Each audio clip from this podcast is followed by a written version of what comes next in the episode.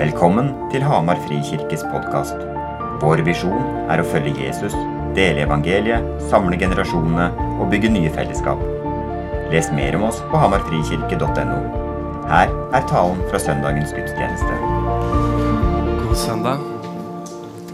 Hyggelig å se dere. Hyggelig å få lov til å preke litt i vår egen menighet. Jeg skjønte at Hvis jeg hadde kasta en håndkle i dag, vi hatt mye sykdom i familien, så hadde det blitt et vitnemøte. Så da angrer jeg litt at ikke jeg lå i senga i dag. For det er ingenting jeg er som et godt, godt gammeldags vitnemøte. Så eh, vi får håpe at uh, det her blir like bra. Uh, og så er min bønn at dere Gud skal tale til oss, at vi skal stå, få en litt større åpenbaring om det her med arbeid.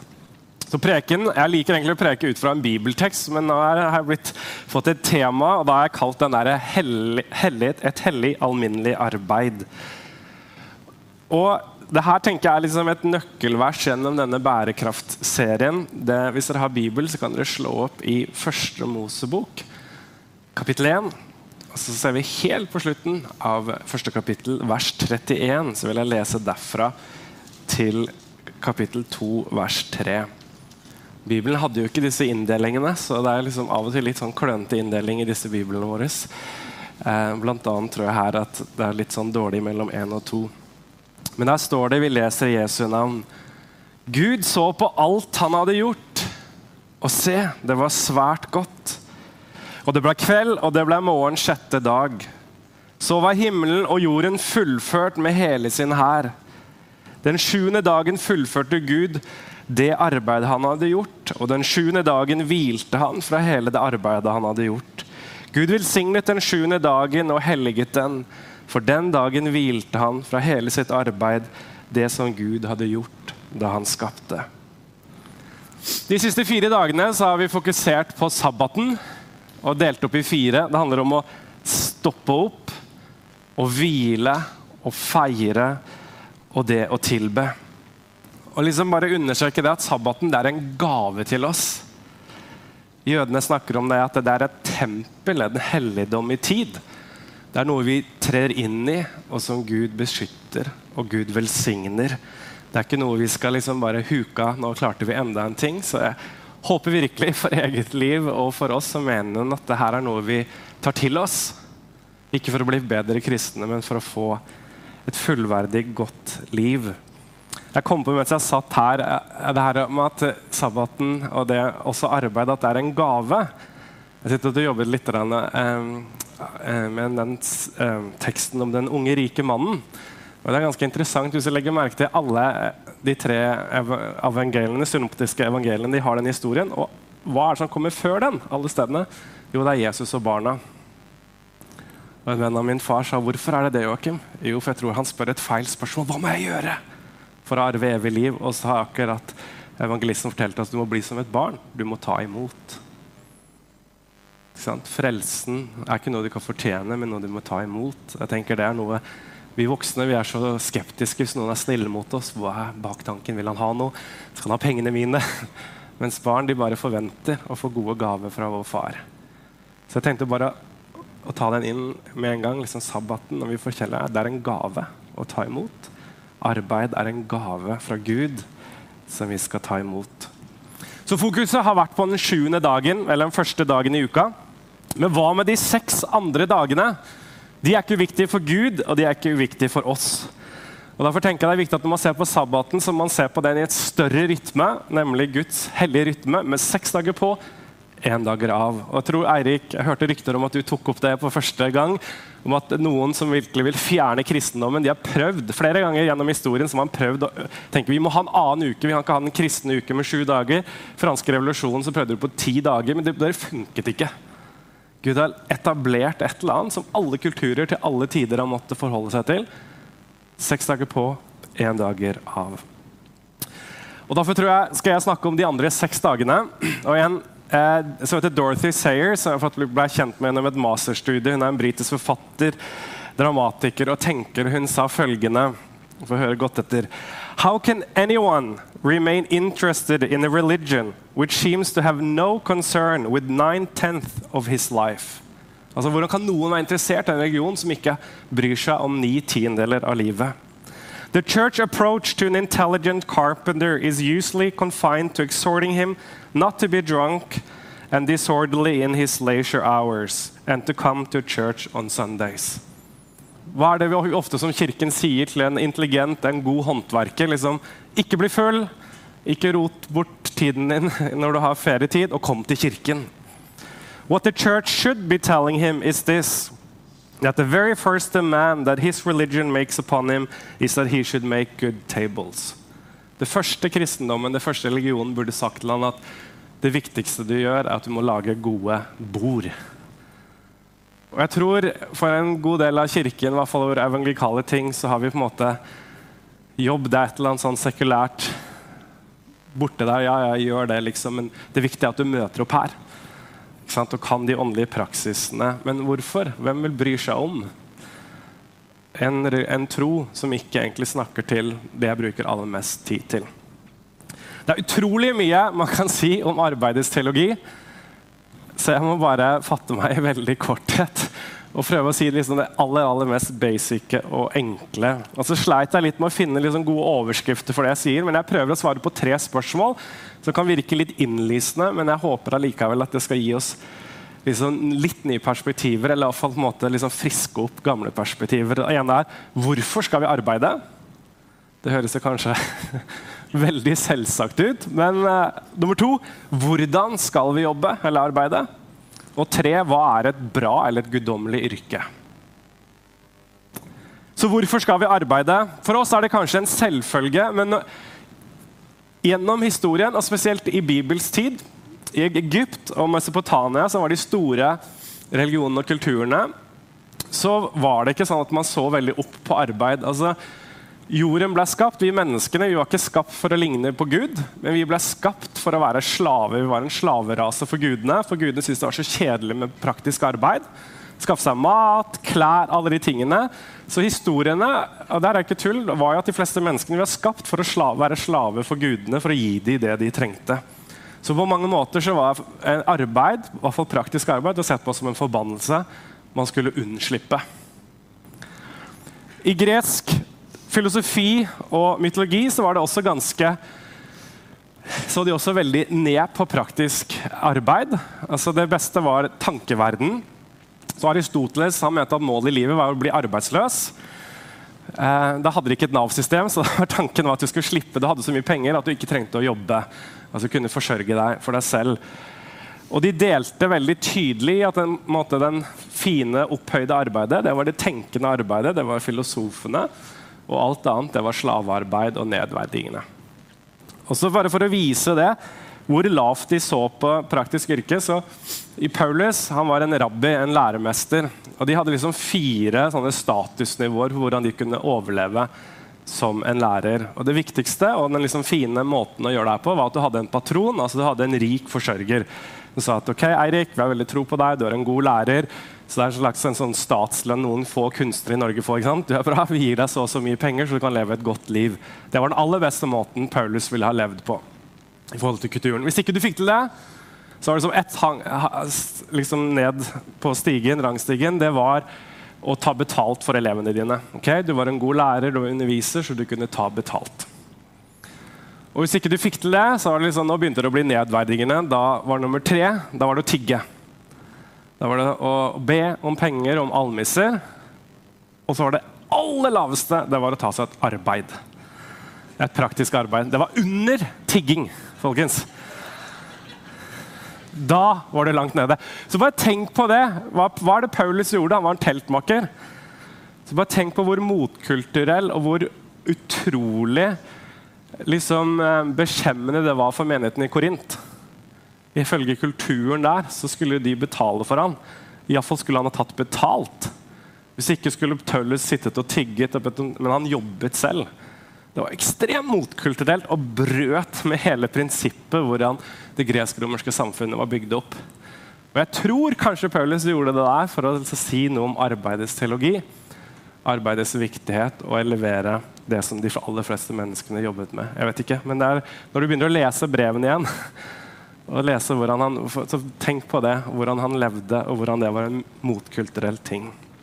Så arbeid har egentlig i mange sivilisasjoner og religioner egentlig blir sett på som en forbannelse. Så hvorfor skal vi arbeide? Det enkle og jødiske kristne svaret er fordi Gud gjør det.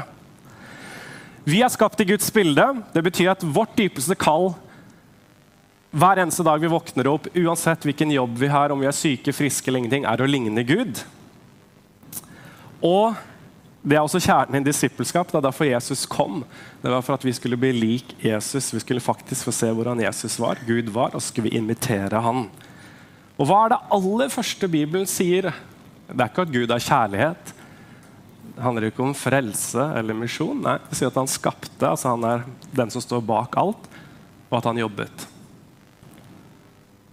Hvis vi går tilbake og leser hva er det det står at han gjorde Jo, det står at den sjuende dagen fullførte Gud det arbeidet han hadde gjort.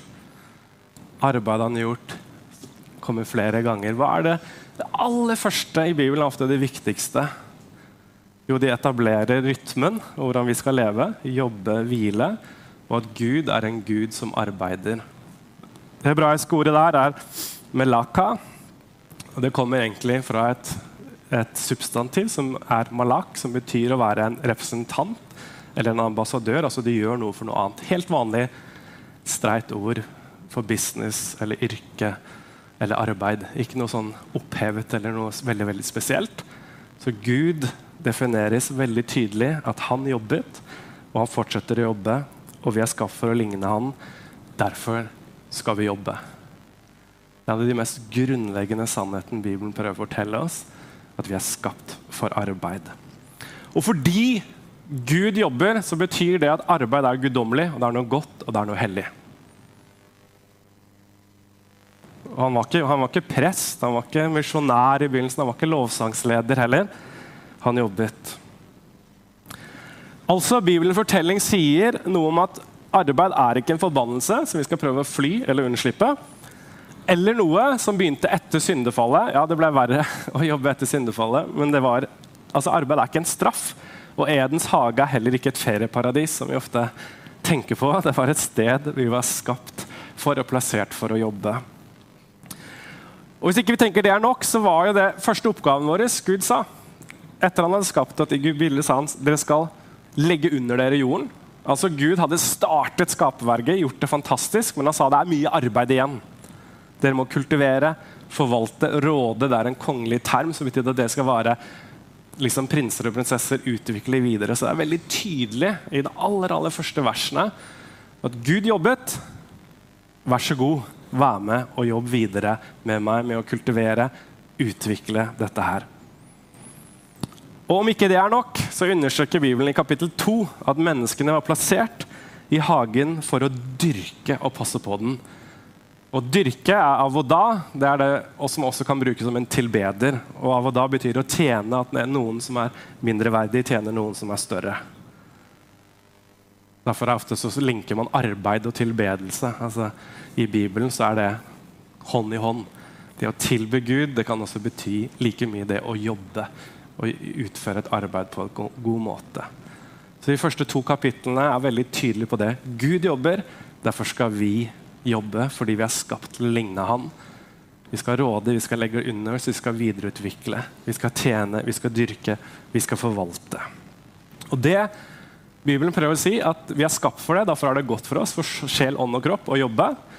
Og så er det ikke liksom grunnleggende måten Gud har skapt verden på, at vi skal sitte og be, og så skal det regne klær og penger og mat ned fra himmelen. Men det arbeidet er måten Gud forsørger oss på å forsørge verden på, og hvor vi skal videreutvikle verden. Altså, Gud arbeider, derfor skal vi arbeide. Arbeidet er et redskap for å forvalte og kultivere verden. Det er måten Gud forsørger oss på og gjennom. Arbeid er ikke en forbannelse, men en velsignelse, noe vi er skapt for å gjøre. Og arbeid er både viktig og verdifullt. Så hvordan skal vi jobbe? Der tror jeg det er viktig denne arbeidsrytmen, den guddommelige standarden for arbeid. Vi skal arbeide seks dager, og så skal vi hvile én. Og som vi snakket før, så det, har man prøvd å forandre på disse tingene. her, og Romerske slaver de hadde bare fri hver tiende dag. For og Det har vært forskjellige forsøk på det her, men man har kommet tilbake til denne her. Og selv i de ti bud så er det et påbud om jobb. I andre Mosbok 2019 står det seks dager skal du arbeide og gjøre all din gjerning, men den sjuende dagen er det sabbat for Herren din Gud. Så selv om arbeid er fantastisk bra, det er verdifullt, det er vakkert, vi skal kultivere det, hvordan skal vi jobbe, hva liksom skal være fokuset vårt, så er Bibelen tydelig det må begrenses. Selv om det er veldig bra, så er det begrensninger. fordi Gud sa ikke at vi skulle få jobb i overflod, som vi ofte føler det, men liv i overflod. Det, er, det er en viktig forandring. Vi skal ikke ha arbeid i overflod, men liv. Og der tenker jeg at i en del religioner man, og kulturer har man sett veldig ned på arbeid, spesielt praktisk arbeid. Og på en måte Man har flyktet inn i tankemessige osv. Men jeg tror i vår kultur så er det motsatt. Der har vi elevert arbeid. Det er på en måte den nye guden, avguden. Det er der vi selvrealiserer oss, der vi får identiteten vår. Det er det vi egentlig tilber. Og Derfor tror jeg det er veldig vanskelig for oss å holde sabbaten, fordi det er så ekstremt mye identitet og status og penger og alle sånt til knyttet til arbeid. Så Gud er veldig tydelig på det. Ja, vi er skapt aller først for fellesskap med Han. Og arbeid er en viktig del av livet, men det må begrenses.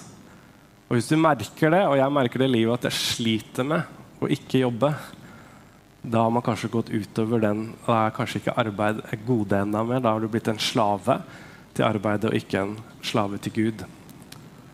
Eller en tjener for Gud.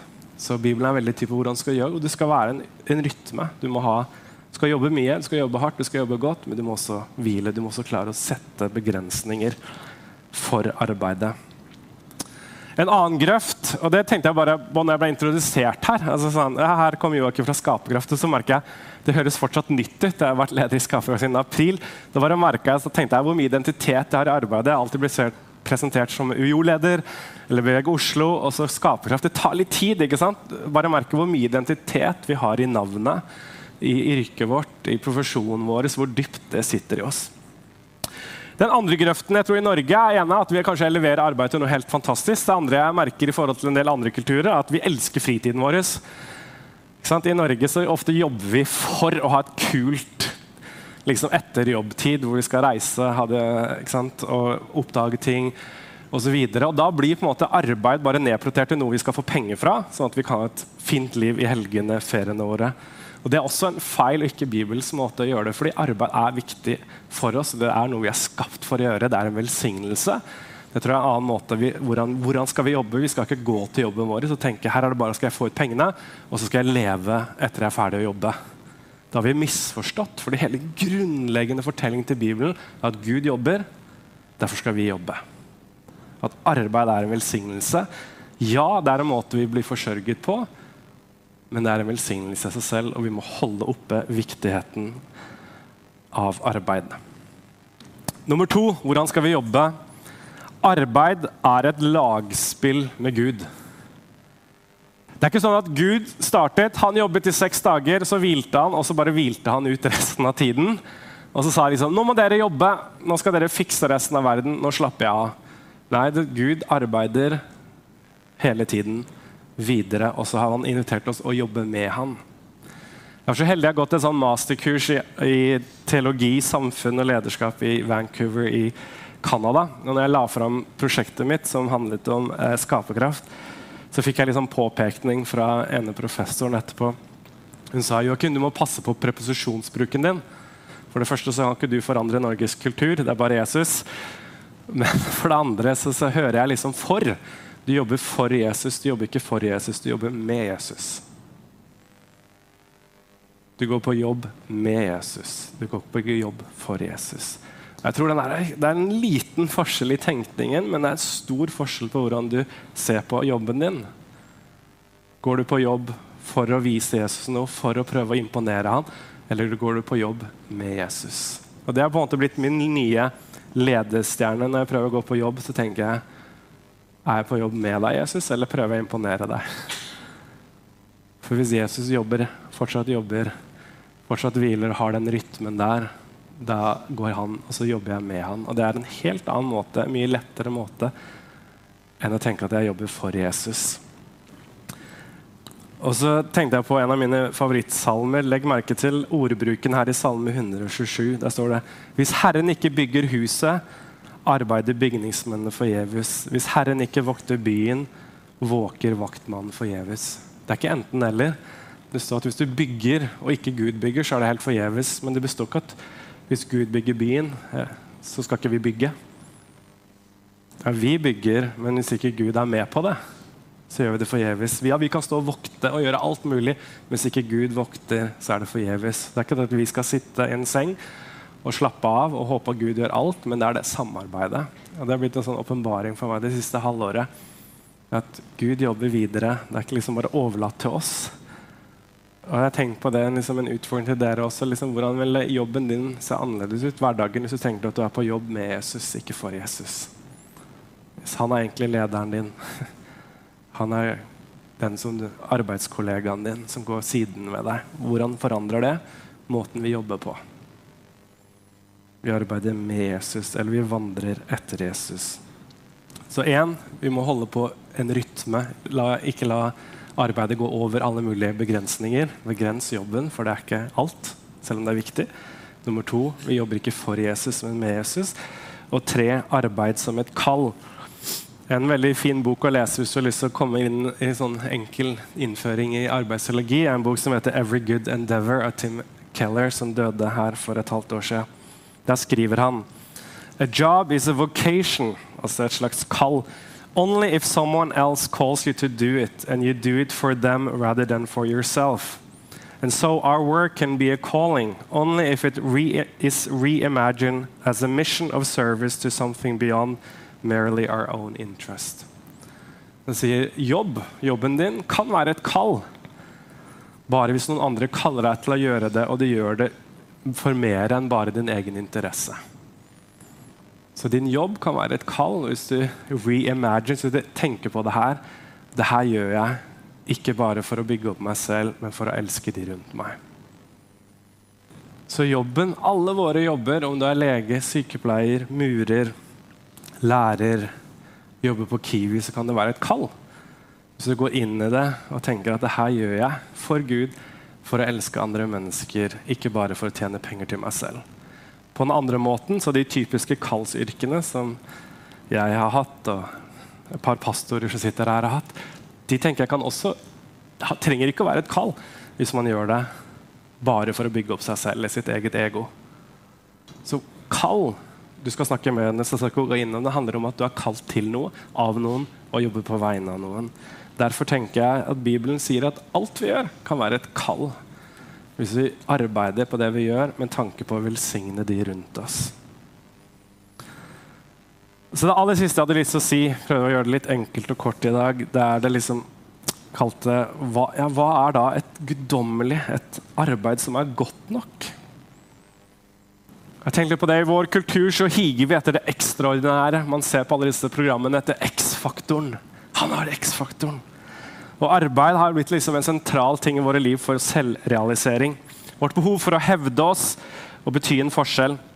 Derfor definerer ofte vår kultur hva som er verdifullt, hva som er staselige yrker, og hvilken yrke vi helst ikke vil jobbe med. Dessverre så tenker jeg det er det ikke bare vår sekulære verden, men også vår kristne verden. Vi har tatt med oss hele det greske tankegodset om at det er noen yrker som er virkelig bra. Gjerne akademiske yrker, tenkende yrker. Og så har vi de laverestående yrker, som ofte handler om tjenesteyrker og praktiske yrker. Kanskje vi kristne har lagt til en sånn tredjegrad. Vi har liksom også elevert opp pastorer, misjonærer, lovsangsledere som er oppe på toppyrkene der. Og så har vi, som resten av verden, serviceyrker veldig langt nede. Og det er jo mange som heller vil gå arbeidsledig enn å ta forskjellige yrker, for det er liksom under deres verdighet. Så jeg tenkte bare, det er jo ofte sånn Når man hører prekener og leser, så tenker man alltid seg selv i litt bedre lys enn andre. Men jeg måtte ta meg selv her. Okay, men det var bare For en uke eller to siden så gikk jeg et sted her i Hamar, og så gjenkjente en av mine barn foreldrene til en i klassa. Og så tenkte jeg Å, jobber han der, ja? Og tenkte jeg liksom Det hadde nok ikke jeg ville blitt assosiert med. eller sånn. Ikke at det var et dårlig yrke i det hele tatt, men liksom, det er litt liksom, firebarnsfar. Jeg kan ikke jobbe der. Og så tenkte jeg bare Ta en liten sånn tankeøvelse med deg selv hvis du kommer på en fotballtrening med laget eller en samling og folk spør deg hva jobber du med. Er det noen yrker du hadde liksom kjemsen litt med? Så liksom, hmm.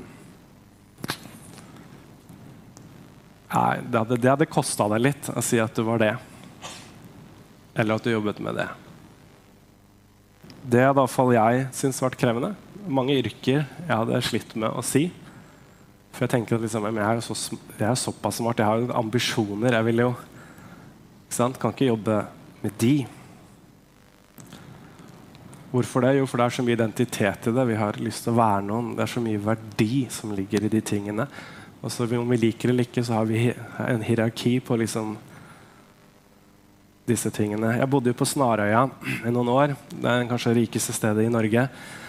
Og der, sånn, der jobbet man ikke med praktiske yrker. Der hadde man folk fra Polen til å snekre, og folk fra andre land til å gjøre det, og folk fra Filippinene til å passe barna sine. Og Hver gang jeg sto og frøys ut og tok bussen sammen med de filippinske barnepasserne, så kjørte de forbi dine fine, store biler inn til jobben sin. Sånn, det var veldig sånn, det var ikke mange av de tror jeg, som hadde tenkt at barna dem skal jobbe på Kiwi eller være vaskehjelp. ikke sant? De skal være leger, advokater også. Du hadde veldig sånn statushierarki. Men er det en bibelsk tankegang? Nei. Fordi vår identitet og verdi det har vi fått allerede fordi vi er skapt i Guds bilde. Bare å være menneske, så er jeg verdifull. Ferdigsnakket. Og så er jeg Jeg kan ikke bli mer elsket av Gud enn det jeg er nå. Mer verdifulle enn Gud er nå. Og som frelse så er vi sønner og døtre av høyeste Gud. Så vi trenger ikke å legge noe verdi i yrket vårt.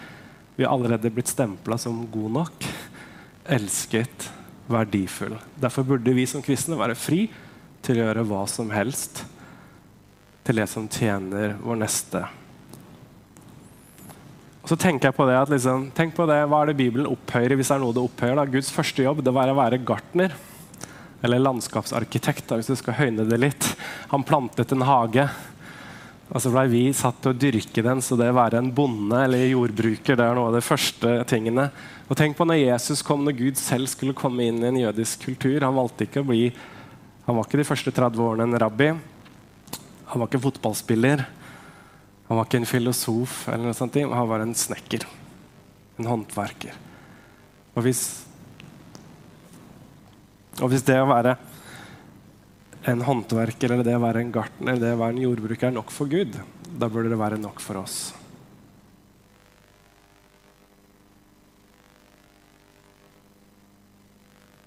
Under covid så fikk vi kanskje en annen forståelse av at sånn enkel ting som å vaske Hvis ikke vi vasker huset vårt, klærne våre, arbeidslokalene, så kommer vi til syvende å dø.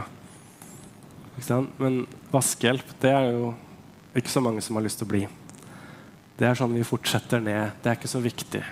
Eller jobber i butikk. Vi har ikke fått mat hvis vi ikke har hatt butikker. ikke sant? Det er så mange ting. ikke sant? De aller aller fleste yrkene, så lenge ikke de er destruktive, så er det jo, trengs jo de i samfunnet for at de skal ha et velfungerende samfunn. Noen må kjøre bussen, noen må være taxisjåfører, noen må jobbe i butikk, noen må vaske, noen må være feiere osv. Og, og så tror jeg vi har bare kjøpt denne verdens forkastelige fordreininger om å sette opp og sette hierarki noen ting. Eh, jeg har akkurat lest en bok på nytt som heter 'In the Name of Jesus' av Henry Nowen. Som skriver om kristen lederskap i framtiden. Skal si noe om det. Og Da tok han fram de tre fristelsene som Jesus var utsatt for. Og Den midterste det at han skulle kaste seg utfor et tempel og bli reddet av englene, det kaller han at vår higen etter det spektakulære. Sånn at vi elsker det å være liksom showmanen, helten. Hvordan Jesus avsto fra å være det. Han sier det vi heller kalt det, å være brutte, åpne mennesker som bekjenner synd og tilgir hverandre. Det er antidoten.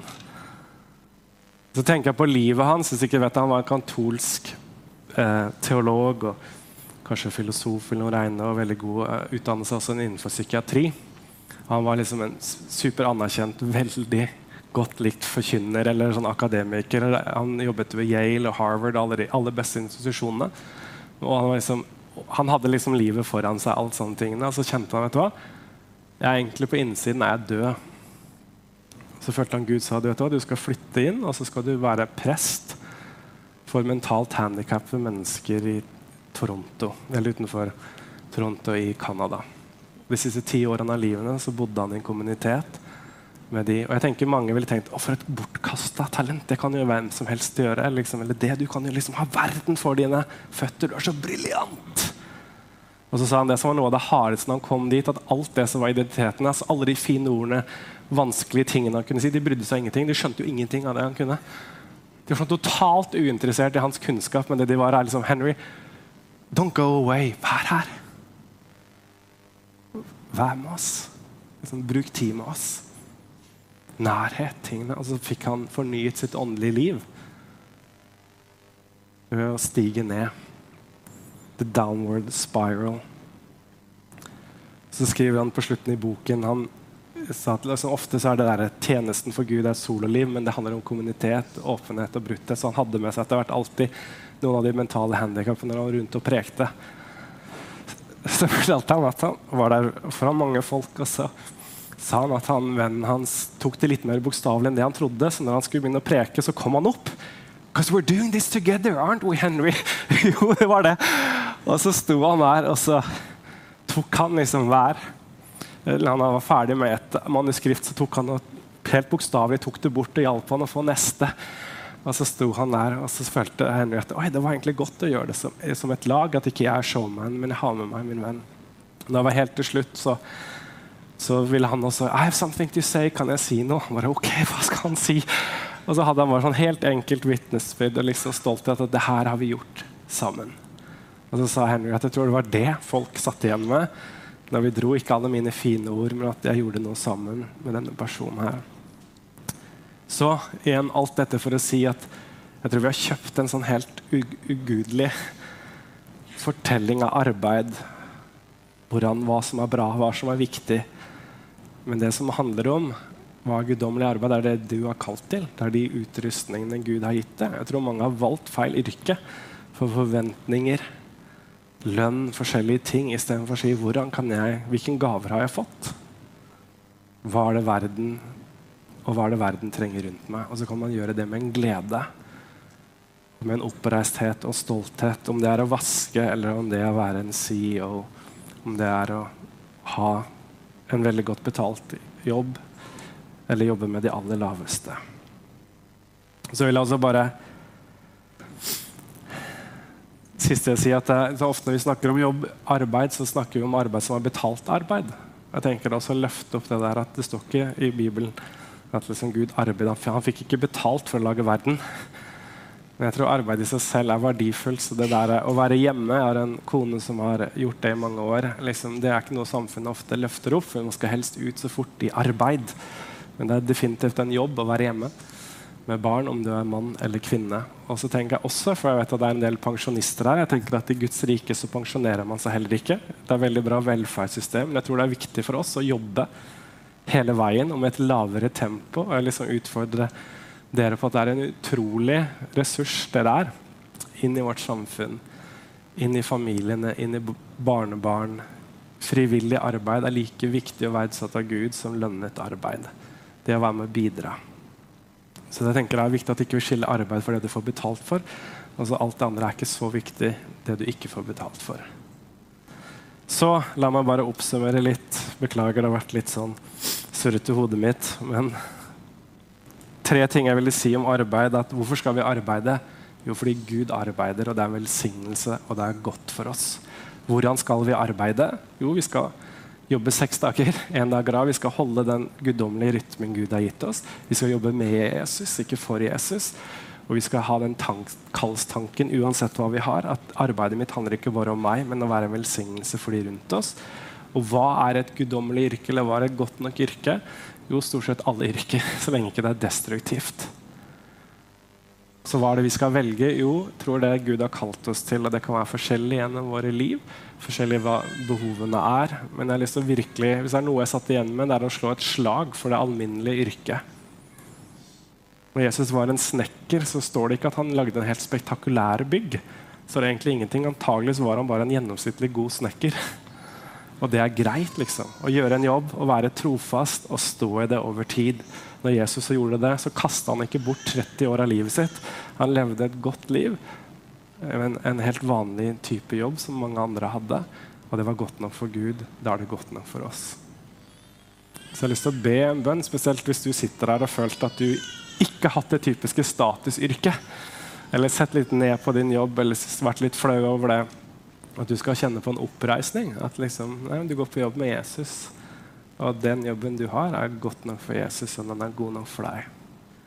At, og som at vi som kirke virkelig kan bryte med det mønsteret samfunnet har, og virkelig verdsette alle de spesielt de lavere de yrkene som måtte, samfunnet har satt der nede. At vi kan oppmuntre de og gi de liksom ekstra klapp. Si at vet du hva, det her er viktig, den jobben du gjør. Vi setter pris på den jobben du gjør. Takker deg, Gud, for at uh, ikke vi var skapt til et ferieparadis, for det er ikke godt for oss å ligge på sofaen hele tiden, men vi er skapt for å jobbe. Du lagde oss for å jobbe. Det er liksom en av de mest grunnleggende tingene du gjorde i livet vårt. Jeg ber at du skal få ta tilbake arbeid som en gave. At det er noe fint og godt du har gitt oss. Og så er det mye vondt som har skjedd i arbeidslivet, og mange ting. Vi har ikke tid til å gå for det, men den grunnleggende godhet du har i arbeidet. Jeg har lyst til å spesielt be for de som syns det er tungt å gå på jobb, vanskelig å gå på jobb, at du skal få en fornyelse i jobblivet og se på det som et kall, en måte de kan tjene deg og de kan tjene de rundt seg. Jeg ber for folk som føler de har bare måttet prestere veldig mye på jobb, at de kan få lov til å senke skuldrene og tenke at vet du hva, de jobber med deg, Jesus, ikke for deg. Så ber jeg Gud, hvis det er noen som sitter her og er flau eller liksom skammer seg litt over jobben sin, om at eh, de skal få lov til å kjenne at det, de får ditt stempel, godkjent stempel. At du verdsetter jobben din. Så ber jeg vi skal være sånne motkulturelle folk som Paulus, som løftet opp de lavere stående yrker i samfunnet og, og ga de verdi, fordi du gir de verdi. I Jesu navn. Amen.